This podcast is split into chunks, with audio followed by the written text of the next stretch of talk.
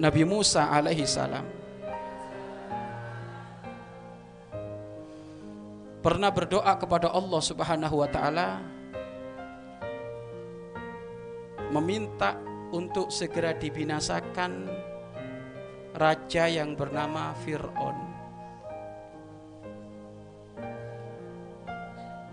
Fir'aun itu punya kekayaan dan jabatan dan kekayaan dan jabatannya itu menjadi fitnah. Banyak orang terpengaruh, terberdaya dengan kekayaan dan jabatan Fir'aun, kuasa Fir'aun sehingga banyak orang yang ikut Fir Fir'aun. Maka Nabi Musa memohon kepada Allah segera cabut kekayaannya, jabatannya dan matikan hatinya agar supaya dia menemukan siksamu.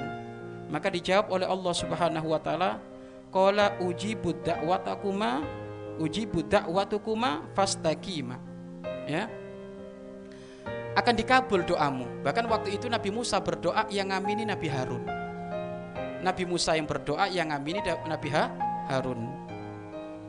Qad ujibat da'watukuma fastaqima. Dikabul doa kamu berdua dan istiqomah istiqomahlah kamu menyembah kepadaku. Ini jawaban Allah. Setelah Nabi Musa mengangkat tangan untuk minta kebinasaan uh, Fir'aun, maka langsung dijawab oleh Allah akan dikabul, akan dikabul.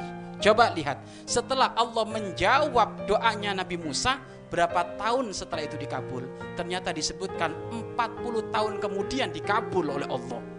Ini kelas Nabi Musa. Ente siapa? Hmm? Sekelas Nabi Musa ini. Ya, kenapa? Wa fil waqtil ladzi yuridu la fil waqtil ladzi turi turidu. Sesuai waktu yang dikehendaki oleh Allah bukan sesuai waktu yang kamu kehendaki.